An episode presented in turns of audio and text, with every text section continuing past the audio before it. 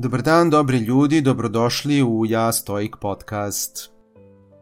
Veoma mi je drago i neizmerno sam srećan što prema statistici koju dobijam sa Instagrama i Googla saznajem da među posetiocima Ja Stoik web sajta i Instagram profila ima više žena nego muškaraca.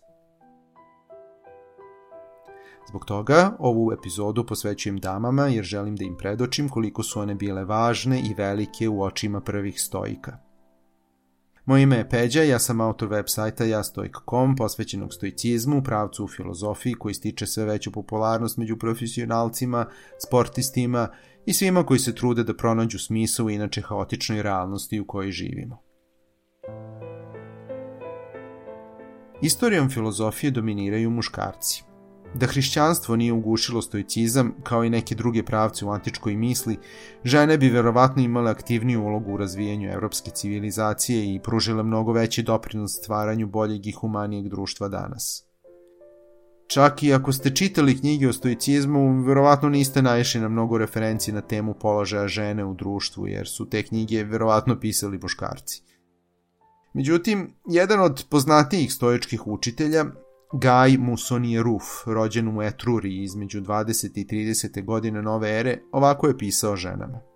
Žene su, kao i muškarci, od bogova dobile dar razuma koji koristimo u našim odnosima jedni sa drugima i da procenjujemo da li je nešto dobro ili loše, ispravno ili pogrešno. Ne samo muškarci, već žene takođe imaju prirodnu sklonost kao ovoj vrlini i sposobnost da je steknu. A o prirodi je žena, ništa manje nego muškaraca – da budu zadovoljne dobrim i pravednim delima i da odbacuju suprotno od njih. U vreme tiranije cara Nerona ovako razmišljanje bilo prilično napredno. Neron je inače čak dva puta prognao Rufa iz Rima, a u to vreme progonstvo je bila kazna samo za nijansu niža od smrtne. Musonije Ruf je često kritikovao svoje savremenike zbog toga što žene procenjuju isključivo na osnovu njihove fizičke lepote.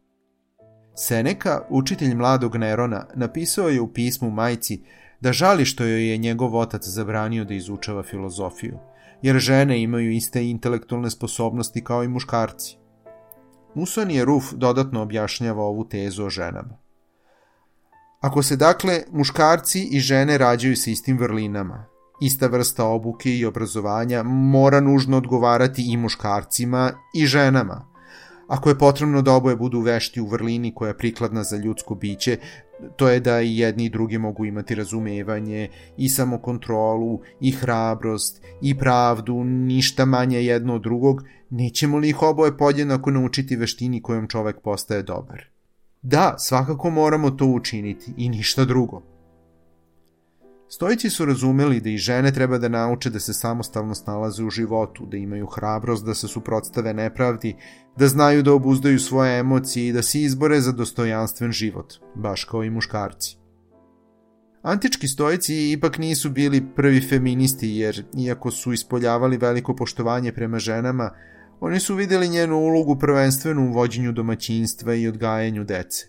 Bez obzira koliko su bili napredni, ipak nisu mogli da se baš toliko udalje od pravila i običaja epohe u kojoj su živeli. Zenon, osnivač stoicizma, koji je živeo u Atini u trećem veku pre nove ere, napisao je da će u idealnom društvu žene i muškarci imati ista prava. Na sreću, među poštovaocima stoicizma danas ima sve više žena, tako da ostaje nada da će se Zenonova vizija ipak jednog dana ostvariti. Vidimo se za dva milenijuma. Ako ti je ovo o čemu sam pričao bilo zanimljivo, pozivam te da zapratiš Ja Stoik podcast i ja.stoik profil na Instagramu kako bi imao pristup dodatnim sadržajima na temu stoicizma. Takođe, možeš da posetiš jastoik.com website gde možeš besplatno da preuzmeš e-knjigu 50 stoičkih misli koje ti mogu poslužiti kao inspiracija i putokaz za svakodnevni život. Hvala vam što ste ostale sa mnom do kraja. Želim vam da mudro iskoristite današnji dan. Carpe diem.